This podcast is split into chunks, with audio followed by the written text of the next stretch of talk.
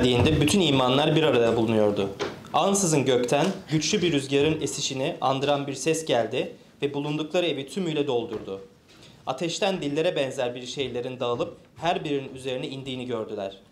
İmanların hepsi kutsal ruhla doldular. Ruhun onları konuşturduğu başka dillerle konuşmaya başladılar. O sırada Kudüs'te dünyanın her ülkesinden gelmiş dindar Yahudiler bulunuyordu. Sesin duyulması üzerine büyük bir kalabalık toplandı. Herkes kendi dilinin konuşulduğunu duyunca şaşa kaldı. Hayret ve şaşkınlık içinde bakın bu konuşanların hepsi Celil'i değil mi diye sordular. Nasıl oluyor da her birimizin kendi ana dilini işitiyor? Aramızda Partlar, Medler, Elamlılar var. Mezopotamya'da, Yahudiye'de ve Kapadokya'da, Pontos ve Asya ilinde, Filikya, Pamfilya'da, Mısır ve Libya'nın Kirene'ye yakın bölgelerinde yaşayanlar var. Hem Yahudi hem de Yahudiliğe dönen Romalı konuklar. Giritliler ve Araplar var aramızda. Ama her birimiz Tanrı'nın büyük işlerinin kendi dilimizde konuşulduğunu işitiyoruz. Hepsi hayret ve şaşkınlık içinde birbirlerine bunun anlamı ne diye sordular. Başkaları ise bunlar taze şarabı fazla kaçırmış diye alay ettiler.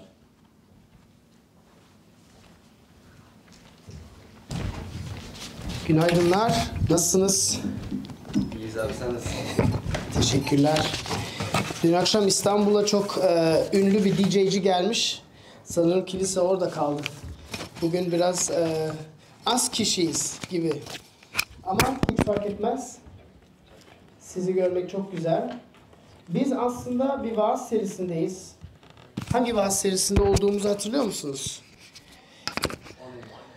On emirler.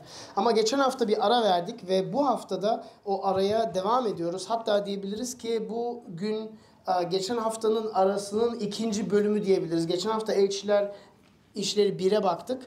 Bugün elçilerin işleri ikiye bakıyoruz ve um, hepinize hoş geldiniz. Bugünkü konumuz um, Allah'ın ruhu.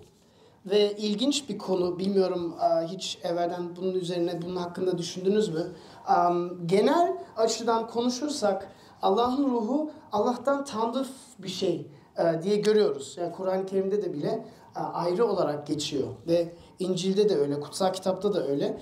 Ve tabii ki bizim bakış açımızdan um, üçlü birlik var. Ve üçlü birliğin um, baba, göklerdeki baba, ondan sonra yüce oğul İsa Mesih ve en sonunda kutsal ruh o üçlü birliği, o testisi tamamlıyor.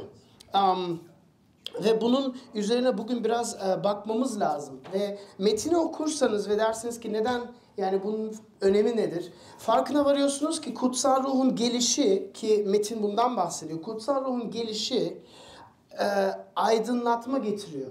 İnsanlara bir anlayış getiriyor. Evvelden anlamadıkları şeyleri birdenbire anlamaya başlıyorlar. Ve e, dikkat edersek kutsal ruhun e, görevi tam bu.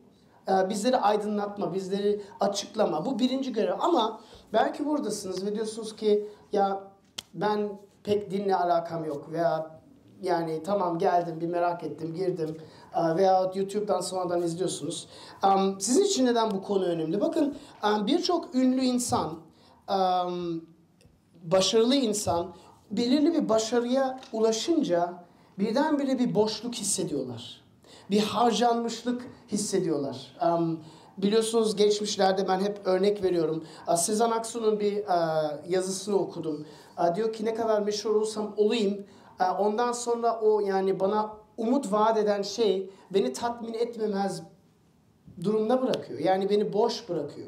Um, çok iyi hatırlıyorum ben doktorumu bitirdiğimde 3,5 sene doktora peşinde yazdık, laboratuvarlarda bilmem ne yaptık. Onu elde ettiğimde kendimi bayağı boş hissettim. Pek yani şimdi ne yapacağım?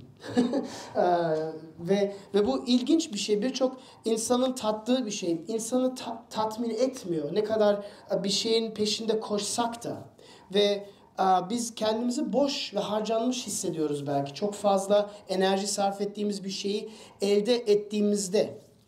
Ama burada bakarsanız tarihi gerçeğe baktığımızda Roma İmparatorluğu'nda marjinal sınıftan gelen minnacık bir cahil ve eğitimsiz iman grubu yani İsa'nın 12 talebesi birkaç yüzyıl içinde hatta 200 yıl içinde Roma İmparatorluğu'nun en güçlü kuvvetini oluşturmaya başlıyor.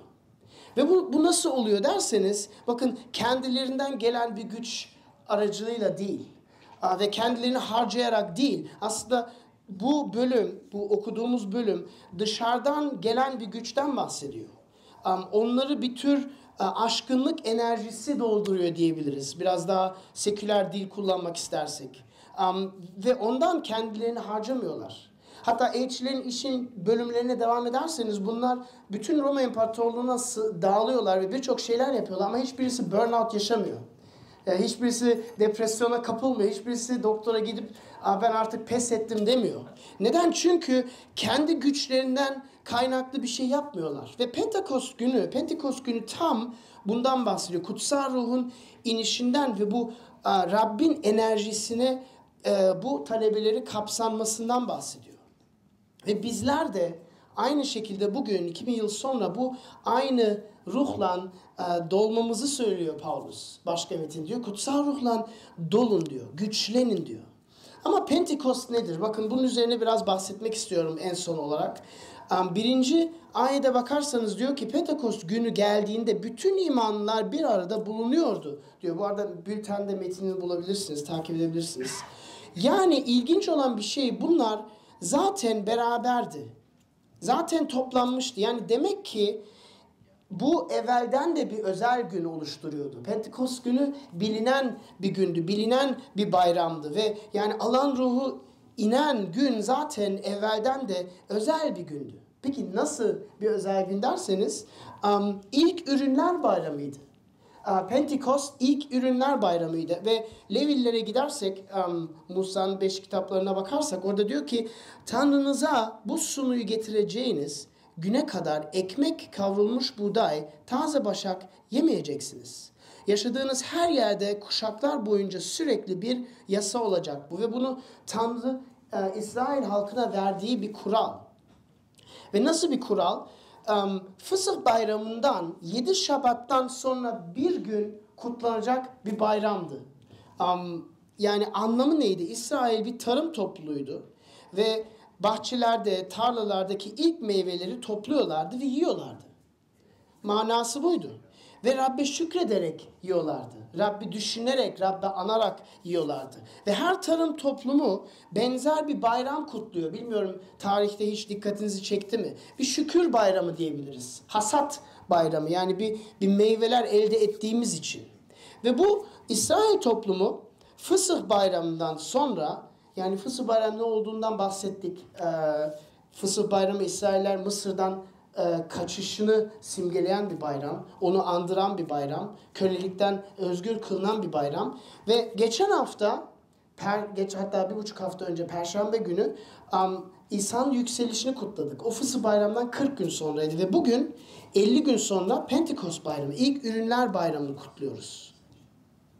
Ve um, bu ilginç bir şey çünkü yani o zaman e, Musa Tanrı'yla beraber olduğunda Sina Dağı'na çıktığında ona on emir verdi ve dedi ki Rab sizi bir halk olarak oluşturuyorum dedi. Sizi ilk İsrail halkı olarak, kendi halkım olarak e, oluşturuyorum gibi bir bir e, önemli bir olay oldu. Ve, ve bugün sormamız gereken şey şu.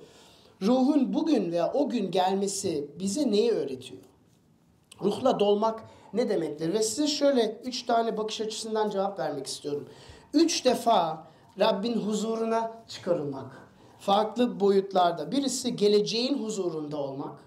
İkincisi Rabbin huzurunda olmak ve üçüncüsü ulusların huzurunda olmak. Geleceğin huzurunda, Rabbin huzurunda ve ulusların huzurunda olmak. Um, başlayalım. Geleceğin huzurunda olmak uh, ne demek? Gelecek teolojik kavramını kullanırsanız e, son olaylar diyor, eskatos diyor veya eskatolojiden bahsediyoruz. Yani kıyamet gününe doğru insan tarihinin ilerlemesinden bahsediyoruz. Dünyanın sonundan bahsediyoruz. Ama dikkat edersek ilk ürün ne demek? Hasat zamanı ilk ürün ziyafeti olarak geçiyor. Ve aslında düşünürseniz o ilk ürün bayramı gelecekte olan bir şeyi tatmak anlamında geliyor. Çünkü ilk ürünler, bilmiyorum hiç gidip ilk ürün tattınız mı? Bir gidip elma ağacının bir elma ağacını koparıp yediniz mi? O kopardığınız ilk ürün, ilk elmalar küçük. Değil mi? Tatlı ama küçük ama tam büyümemiş, tam oluşmamış, tam olgunlaşmamış. Onun için geleceğe doğru kutladığımız bir bayram. Mevsim mevsimin meyvelerini tadıyoruz. Elmalar küçücük ama o kadar tatlı değil daha. Ve um, onun için geleceğe doğru gelen, geleceğe doğru gösteren bir bayram. Romalı 8'de Paulus bunu bize şöyle anlatıyor. Diyor ki yaratılış geçiciliğe teslim edildi diyor. Yani her şey çürüyor diyor. Her şey dökülüp parçalanıyor diyor. Um, sadece meyveler, e, tabiat değil, biz de. Yani kendimize baktığımızda da e, biz de yaşlanıyoruz. E, aynaya baktığımızda güzelliğimiz e, ne kadar bilmiyorum ne kadar yaşlısınız daha çok gençsiniz ama diyelim ki 30 40 50 yaşlarınıza vardığınızda bakıyorsunuz eh saçlar beyazlanıyor.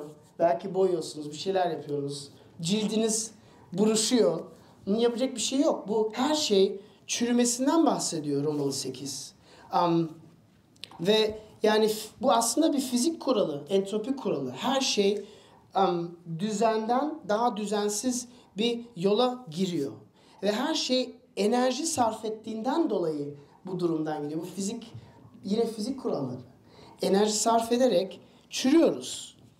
Ve her şey çürümeye tabidir. Ama bir gün, bir gün vaat edilen şey şu, yozlaşma sona erecek. Bir gün bütün doğa, bütün evren, bütün insan varlıkları, bütün hayvanlar, bütün tabiat bu çürümeden kurtulacak. Bir gün Rabbin ihtişamı evrene gelip her şeyi dökülüşten özgür kılacak diye okuyoruz. Ve mükemmel kılacak diye okuyoruz. Ve Romalı 8 devam ederseniz Allah'ın çocuklarının yüce özgürlüğüne kavuşacak olmasından bahsediyor. Yani bizler Allah'ın çocuklarının özgürlüğüne kavuşacak bütün evren. Yani bunu anlarsak bizim kavuştuğumuz bir gerçek, bizim tattığımız bir gerçek, ilk ürün bayramında bize gelen bir gerçek, bütün evrene dağılacaktan bahsediyor. Ve bu ilginç e, bir şey. Neden derseniz, çünkü bakın bizler ruhun ilk ürününe sahibiz. Roman 8.23'te bunu meydana vuruyor. Ve iddia şu, iman ettiğimizde İsa'nın Rab olduğuna ve kurtarıcımız olduğuna ve bizim günahlarımız için öldüğüne iman ettiğimizde Allah'ın ruhu bize geliyor, bizi dolduruyor, yeniliyor ve her dökülüşten kurtarmaya başlıyor. Ve bu ilk ürünler e, bayramı. Yani geleceğin huzuruna çıkmak bu demek diyebiliriz. Cennetin ilk tadını tadıyoruz diyebiliriz. Um, veyahut ilk taksimini elde ediyoruz diyebiliriz. Hatta başka yerde Paulus diyor ki İsa'nın kesin gelip sizi özgür kılacağını anlamıyor musunuz? Kutsal ruh size bir tazminat veriyor. Yani zaten o geleceğinin bir parçası elinizde. Sahipsiniz diyor. Cennetin mutlak gerçeğin gücü, sevinci, yaşamın ilk dilimi size zaten verilmiştir diyor. Cennet nasıl olacak diye düşünürseniz um, Tanrı'yı ilk elde en önemlisi onu yüz yüze görebileceğiz. Um, ve nasıl gidecek? Yani geçen hafta baktık yükseliş gününü kutladık. Ve orada ne diyor melekler? Nasıl gittiyse öyle gelecek diyor İsa hakkında. Ve İsa'nın geleceğini okuyoruz. Ve şimdi ruha sahipsek, şimdiden sahipsek onun huzurunu şimdiden tadabiliriz. Beklememiz lazım değil. Um, cennet öyle olacak. Ve kutsal ruh varsa onun gibi olma kapasitesine sahip oluyoruz. Yani İsa gibi Tanrı değil ama onun nasıl yaşadıysa, o nasıl başkalarına kendisini e, feda edip hizmet ettiyse biz de aynı şeye e, sahip olacağız. Biz aynı şeye çağrılıyoruz diyebiliriz. Ve Romalı 8 aslında şöyle bir şey hatırlatıyor. Belki geleceğin huzuruna çıkmayı bir de şöyle açıklayabiliriz. Diyor ki ve belki bir benzetme vereyim size. Superman filmini hepiniz izlemişsinizdir. Superman filminde Clark Kent diye bir çocuk var, büyüyor. Ve belirli bir gün sonra annesi babası ona bir, bir sır açıklıyor. Diyor ki sana aslında kim olduğunu söylemedik diyor. Ama gel sana bir açıklayalım. Seni biz bulduk ve sen başka bir gezegenden geldin ve aslında sen busun. sen aslında Clark Kent değil, Superman'sin ve senin bu süper güçlerin var diyor. Ve belirli bir aşamada, belirli bir bakış açında da bize bu bayram Pentekost bayramı aynı şeyi söylüyor. Diyor ki sizin asıl kimliğiniz em, Batuhan değil. Sizin asıl kimliğiniz Ayşe değil. Asıl kimliğiniz Maria değil. Sizin asıl kimliğiniz Mesih. Siz küçük minik Mesihlersiniz diyor. Ve bu kimliği için yaratıldınız ve bu kimliği doldurmak için, yetkinleşmek için, bunun içinde büyümek için yaratıldınız ve bunu doldurmak için yaratıldınız diyor. Geleceğin huzurunda yaşamak budur. Bunu unutmayarak yaşamak. Paulus ne diyor? Benim yaşadığım her gün benim bedenim ve şahsiyetim ölmesi lazım ve içimdeki Mesih büyümesi lazım diyor. Bu bundan bahsediyor. Bundan bahsediyor. Pentekost gününden bahsediyor.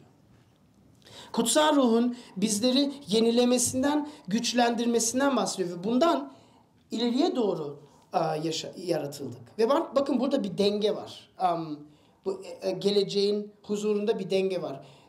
İki tane yanlış e, ekstremden uzak durmanız lazım. Birisi ya Tanrı benim hayatımda zaten hiçbir şey yapamaz. Ben o kadar güçsüzüm, o kadar e, berbat bir insanın hiçbir şey yapamaz. Evet berbat bir insansın ama kutsal ruh sayesinde Rab hayatında birçok şey yapabilir. Öbür ekstrem um, her düşüncemle kutsal ruh benimle konuşuyor. Süpermarkete gittiğimde hangi diş macunu alacağımı ona soruyorum. Bu da doğru değil. Burada bir denge var. Tanrı bize bir zihin ver, bir akıl ver. Hangi diş macunu alacağını düşünerek elde edebilirsin. Biz biz yetkin ve olgun imanlar olarak buna e, koşmuyoruz. Bu dengeyi oturtmamız lazım. Ve um, John Newton aslında çok güzel bir alıntı kullandı. Dedi ki olmam gereken kişi değilim. Umduğum kişi henüz değilim ama eskiden olduğum gibi de değilim. Anlıyor musunuz? İki şeyi karşılaştırıyor. Diyor ki ben bir yolculuktayım diyor. Ve sonra diyor ki Rabbin lütfuyla neysem oyum diyor. Pentekost'un anlamı bu. Peki bunu nasıl yapıyoruz? Bu nasıl gerçekleştiriyoruz? Manevi disiplinlere odaklanarak gerçekleştiriyoruz. Beraber toplanmayı ihmal etmeyerek gerçekleştiriyoruz. Kutsal kitabımızı okuyarak, İsa hakkında öğrenerek, dua ederek ve başkalarına hizmet ederek, bencil olmayarak bunu elde ediyoruz. Çünkü İsa'nın bize verdiği örnek bu. Kendimiz için yaşamıyoruz. Tanrı bizi çağırdıysa etrafımızdaki insanlara hizmet etmek için çağırıyor. Bu birinci boyut. İkinci boyut Rabbin huzuruna çıkmak. Rabbin huzurunda yaşamak. Bakın ikinci ve üçüncü ayete bakarsanız orada diyor ki ansızın gökten güçlü bir rüzgarın ekişini andıran, esini andıran bir ses geldi ve buldukları evi tümüyle doldurdu. Sonra devam ediyor. Ateşlerle, ateşli dillerle benzer bir şeyin dağılıp her birinin üzerine indiğini gördüler. Burada ateş ve rüzgardan bahsediyor ve dikkat edersek ve eskiye kutsal yazının yazıların eskisine gidersek, eski antlaşmaya gidersek Allah'ın eski antlaşmada nerede gözükse rüzgar ve ateşin olduğunu görebiliyoruz. Keşfedebiliyoruz. Örnek vereyim size. Eyüp son bölümlerde 40 bölümlerden sonra Tanrı'yla karşı karşıya geliyor. Nasıl Tanrı'nın var oluşunu hissediyor? Bir kasırga içinde bulunuyor kendisini. Bir fırtına içinde buluyor kendisini. İbrahim gece uyuya kalıyor. Birdenbire uyanıyor ve ateş şeklinde meşale etrafından oluşuyor ve o kurbanların ortasından geçiyor. Musa Sina Dağı'ndaki ilk Pentekost fırtınanın ve ateşini görüyor. Hatta o kadar ki halk korkuyor. Diyor ki ya biz geri çekelim sen sen çık dağa. Biz biraz biz biraz e, kendimizi emniyete alalım. Sen çık dağa. Çünkü korkuyorlar fırtınadan, rüzgardan, ateşten korkuyorlar. Rüzgar ve ateş her zaman Rabbin varlığını, varoluşunu ve gelişini gösteriyor. Ve bu ikinci Pentekost'ta aynı şey. Ya yani aynı şeyi yaşıyoruz. Musa'nın yaşadığı aynı şeyi yeniden ve daha derin şeklinden yaşıyoruz. Allah'ın kendisi bize dokunmaya inmesini yaşıyoruz. Bakın aşkınlık deneyimin önemini gösteriyor bize.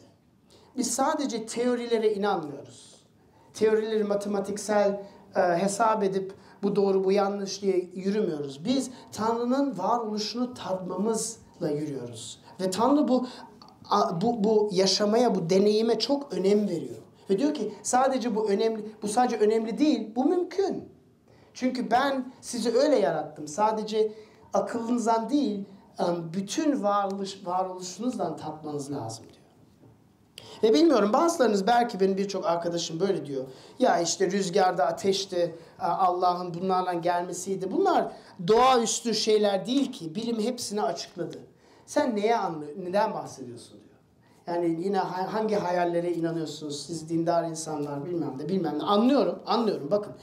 Ve aslında şöyle Max Freud ve Nietzsche bunu dedi, şöyle dediler. Dedi ki din ölecek um, ve aşkınlık ve mucizevi e, işlere insan ihtiyacı yok. 21. yüzyılda buna ihtiyacımız yok. Bilimsel eğitime sahip olmamız yeterli.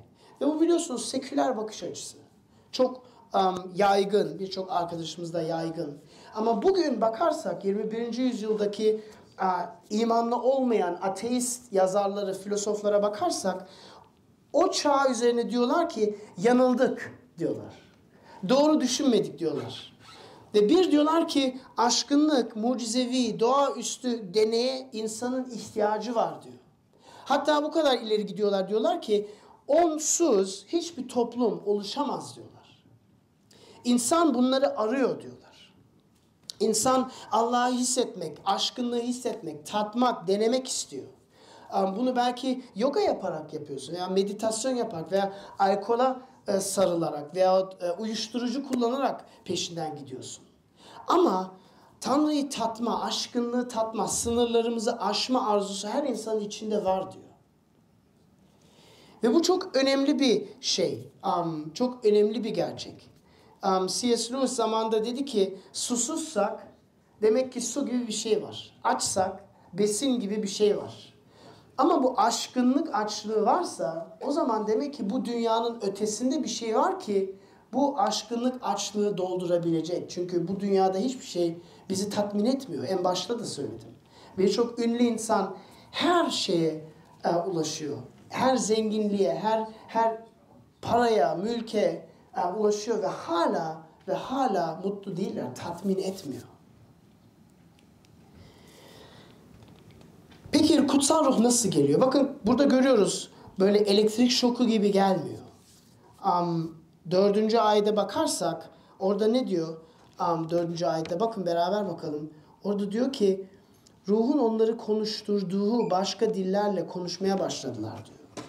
Bu çok ilginç bir şey. Ruhla farklı dillerde konuşmaya başladılar diyor. Ne, ne hakkında konuştular? Biz birçok farklı dinlere uzanıyoruz. Aslında asıl beni ilgilendiren sorun ne hakkında konuşuyorlar? Ne hakkında konuşuyorlar?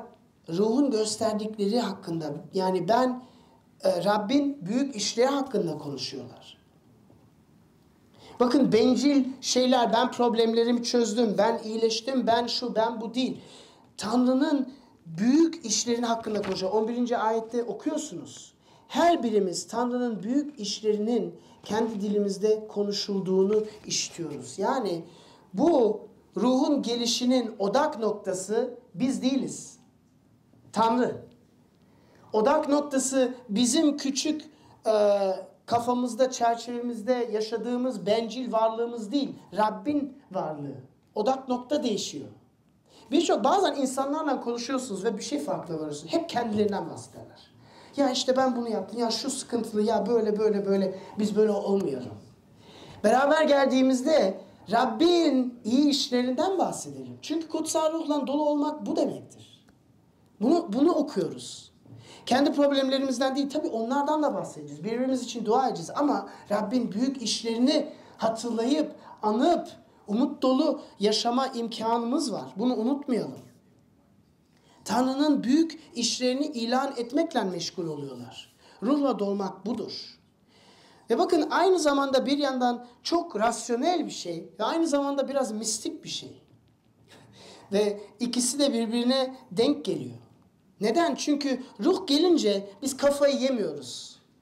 Orada diyorlar ya işte alkolle dolmuşlar işte bunlar sabah köründe içki içmeye başlamışlar. Hayır hayır hayır. Mantıklı bir yaklaşıma ulaşıyoruz. Hala insanlar mutlu olmakla meşgul ama bu mutluluğa nasıl kavuşuyorlar? Odak noktamızı değiştirerek odak noktamızı yaratılışta nasıl yaratıldıysak, Tanrı'nın suretinde yaratıldıysak, hatırlıyor musunuz? O ayna benzetmesinden bahsettim. Biz Tanrı'nın suretini e, yansıtma için yaratıldıysak, o odak noktamızı değiştirirsek, bir boşluğa gidersek o zaman mutsuz olmaya, e, mutsuz olmaktan başka çaremiz yok. O odak noktayı yine yerine getiren şey kutsal ruh. Bize hatırlatan şey kutsal ruh. Bize açıklayan, bizi andıran şey kutsal ruh. Pentekost günün anlamı bu. Tanrı'nın büyük işlerini ilan ediyor.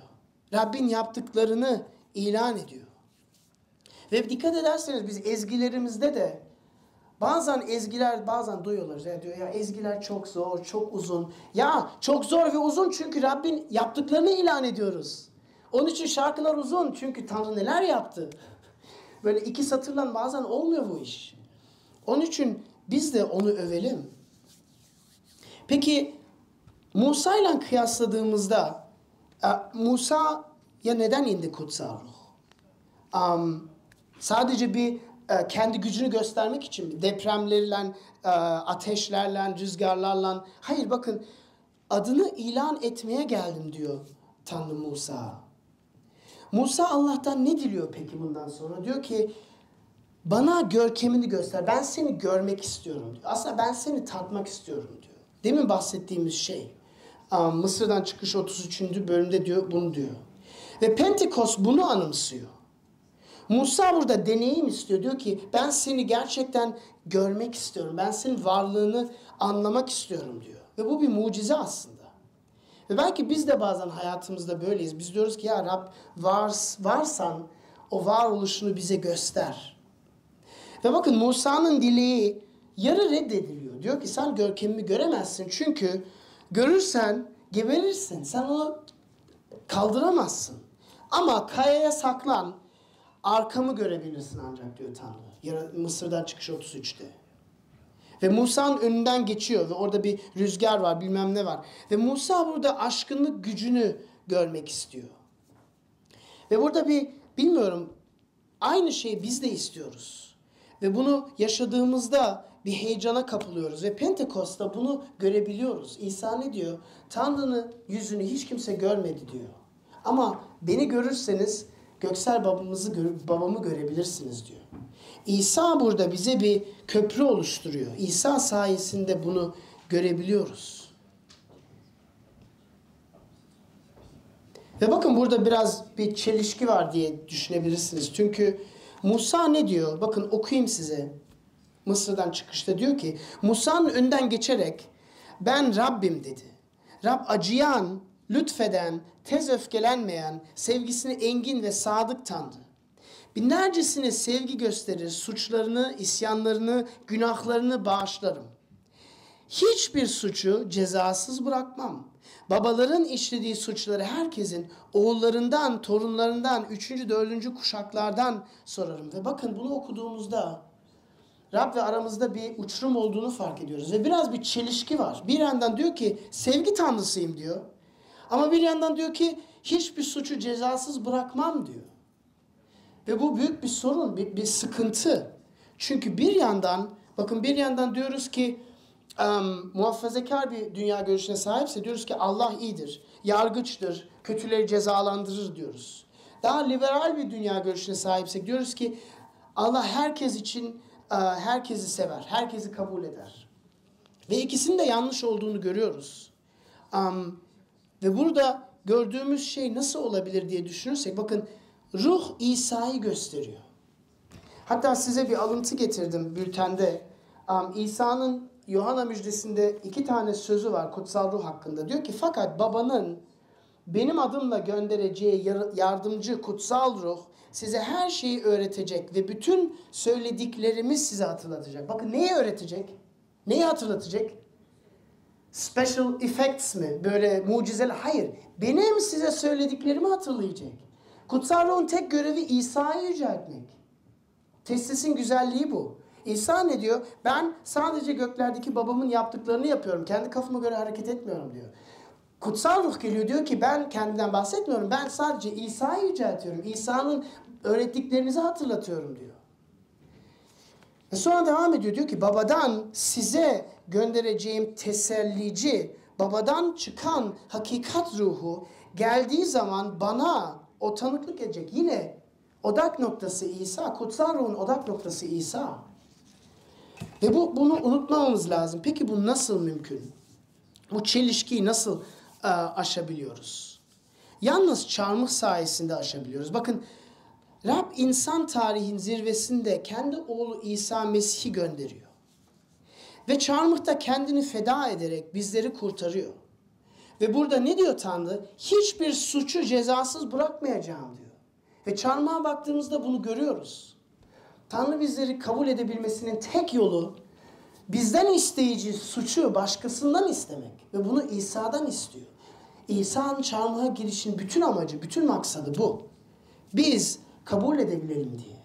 Ve böylece Tanrı hem adil hem sevgi. Bunun başka çözümü yok. Yani entelektüel başka çözümü yok. Rasyonel, bakın rasyonelden bahsediyorum. Başka çözümü yok. Yoksa Tanrı ya iyidir ama o zaman hiç kimse cennete ulaşamaz. Çünkü hiçbir iyi insan yok. Hepimiz benciliz. Hepimiz Tanrı'nın kurallarını çiğnedik. Veyahut veyahut sadece sevgidir ama o zaman adil değildir. Ya Tanrı adil veyahut sevgi ama ikisini nasıl birleştireceksin? Bunun tek birleştireceği yol çarmıh. Tanrı'nın kendisi geliyor. Kendisi bizim hak ettiğimiz cezayı taşıyor. Ve bunun sayesinde bizlerle özleşebiliyor.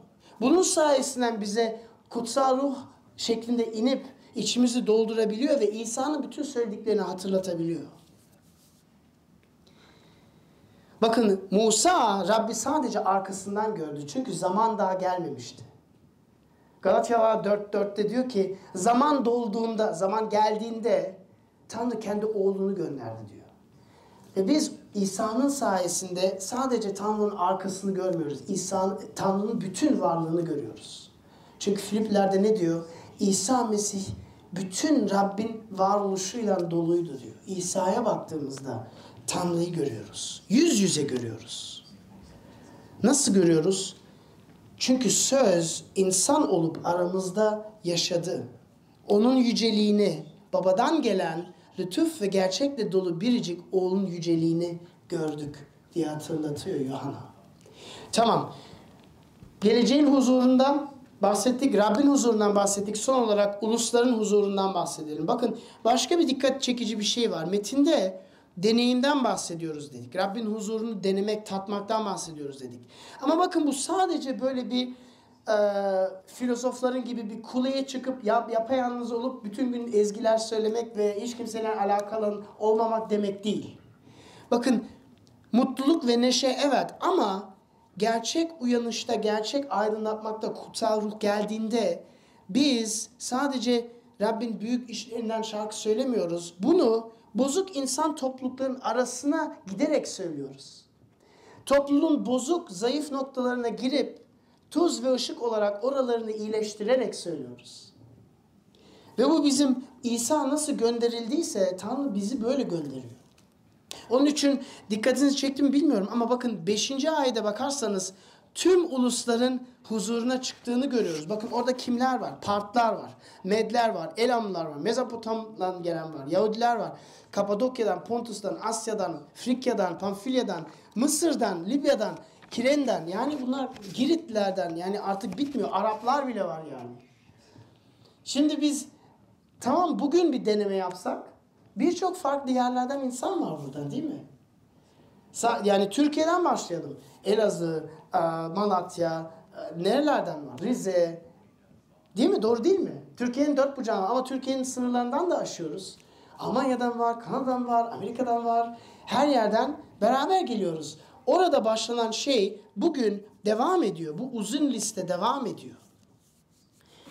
Ve, ve ilginç olan şey um, bu kilisenin doğuş günü. Onun için kutluyoruz. Pentekost kilisenin doğuş günü. Bakın Musa Tanrı'yla yüz yüze geldiğinde İsrail'i halk olarak Tanrı özel bir özel bir duruma getirdi.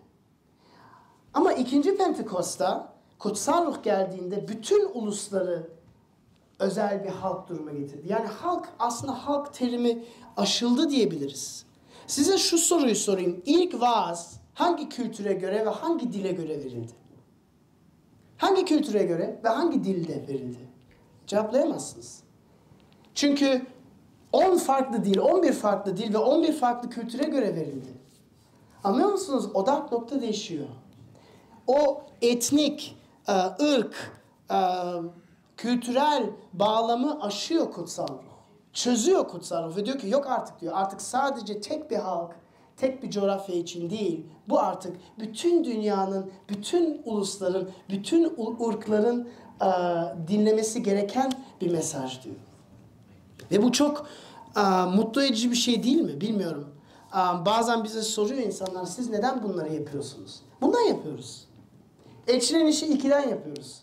Neden burada buluşuyoruz? Bunları anlatıyoruz, paylaşıyoruz. um, farklı dünya görüşlerini, fikirlerini topluyoruz. Bundan dolayı. Çünkü burada bütün bunun dört, dünyanın dört bucağına, bütün kültürlerine gitmesini buyuruyor İsa sonra. Ve bunun merkezinde tekrar hatırlatayım çarmıh var. Sona geleyim sizinle beraber. Bunun merkezinden çarmıh var. Bunu yaşadınız mı? Kutsal ruhun güçlendirici etkisini yaşadınız mı? Yoksa siz de harcanmış mı hissediyorsunuz? Belki aile çevremizde hizmet etmek istiyoruz. Ailemize iyilik etmek istiyoruz ama böyle kendimizi devamlı harcanmış hissediyoruz. Veya kariyerde ilerlemek istiyoruz ama devamlı kendimize harcanmış hissediyoruz. Acaba ben de mi burnout olacağım? Ben de mi depresyona kapılacağım? Veya belki kilise içerisinde hizmet ediyorsunuz. Bir şeyler yapmak istiyorsunuz ama devamlı harcanmış hissediyorsunuz.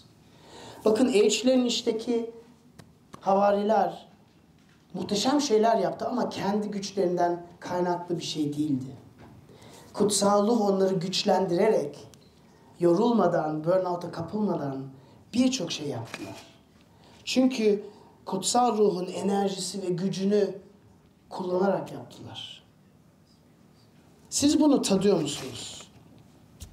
Buna inanıyor musunuz? Buna inanmak istiyor musunuz? Bakın birazdan Rabbin sofrasını kutlayacağız. Rabbin sofrası Fısıh Bayramı'nın yeni versiyonu. Yahudiler Fısıh Bayramı'nı kutluyorlardı ve İsa Mesih o bayramın biraz farklı versiyonunu bize verdi ve biz buna Rabbin sofrasını diyoruz. Ve Rabbin sofrasında İsa Mesih'in ve ruhunun tüm iyiliğini tatmak istiyoruz. Ve çarmıhta bizim için öldüğünü, kendini feda ettiğini hatırlıyoruz. Rabbin büyük işlerini hatırlıyoruz ve övüyoruz. Ve bizi yeniden görevlendirmesini hissediyoruz. Çünkü dediğim gibi bu sadece bireysel mutluluk için değil. Bu şehrimizi sevebilmek için. Şehrimizin bozuk semtlerine, mahallelerine gidip hizmet edebilmek için. Um, bir, bir yoksullara iyilik edebilmek için. Yoksulluk sadece maddi değil. Bazen psikolojik yoksul insanlar var. Hiç mutlu olamıyorlar. Ve bu dünyada mutlu olmak çok zor. Ukrayna'daki savaş devam ediyor. Birçok insan çok büyük depresyonlara kapılıyor. Hem Rus hem Ukraynalılar. Ve konuştuklarımızda umut kaynağınız ne dediğimizde valla galiba benim hiçbir umudum yok. Ve bu çok üzücü. Ama bakın kutsal ruh bize gelmesi, bizi dürtmesi demektir. Bak umut var. İsa Mesih 2000 yıl önce geldi. Ve bütün uluslar için, bütün insanlar için, bütün savaşları sona erdirmek için yaşadı ve çarmıhta öldü. Ve sizin günahlarınızı üstlenip kurban oldu çarmıhta. Ve üçüncü gün dirildi. Paskalya'yı kutladık. Sonra bütün öğrencilere göründü. Onlarla vakit geçirdi. Bir gün değil, iki gün değil. Kırk gün. Kırkıncı gün yük, göğe yükseldi. Ve on gün sonra kutsal ruhu gönderdi. Bakın umut var. Güç var. Korku ve endişe için yaşamak, korku ve endişe içinde yaşamanın bir çözümü var. Umutsuzluğun bir çözümü var. Küslük, küs olmanın bir çözümü var. Bunlardan dönün. Bunlara elveda deyin ve siz de Paulus gibi deyin. Her gün benim varlığım, şahsiyetim biraz daha fazla ölmesi lazım ki içimdeki Mesih her gün daha fazla güçlensin kutsal ruh aracılığıyla. Dua edelim. Rab sana şükrediyoruz bu gün için, bu bayram için ve sen bize her şeyini verdin. Sen bize Allah'ın güzelliğini gösterdin. Göklerdeki babanın sevgisini ve kalbini gösterdin. Ama aynı zamanda günahı ve suçu ciddiye almasını gösterdin. Ve çarmıhta bunun ikisi birleşiyor. Ve kutsal ruhun gelişi sayesinde sen bize geleceğin huzurunu gösteriyorsun. Kendi Rabbin huzurunu gösteriyorsun ve son olarak ulusların huzurunu gösteriyorsun ve diyorsun ki siz bu huzurun bir parçasını olmanızı istiyorum. Siz ulusların huzuruna, barışına bir etkide bulunmanızı istiyorum diyorsun. Ve bunu tatmak istiyoruz, görmek istiyoruz. Bu mahallede, bu şehirde, bu ülkemizde. İsa Mesih adına amin.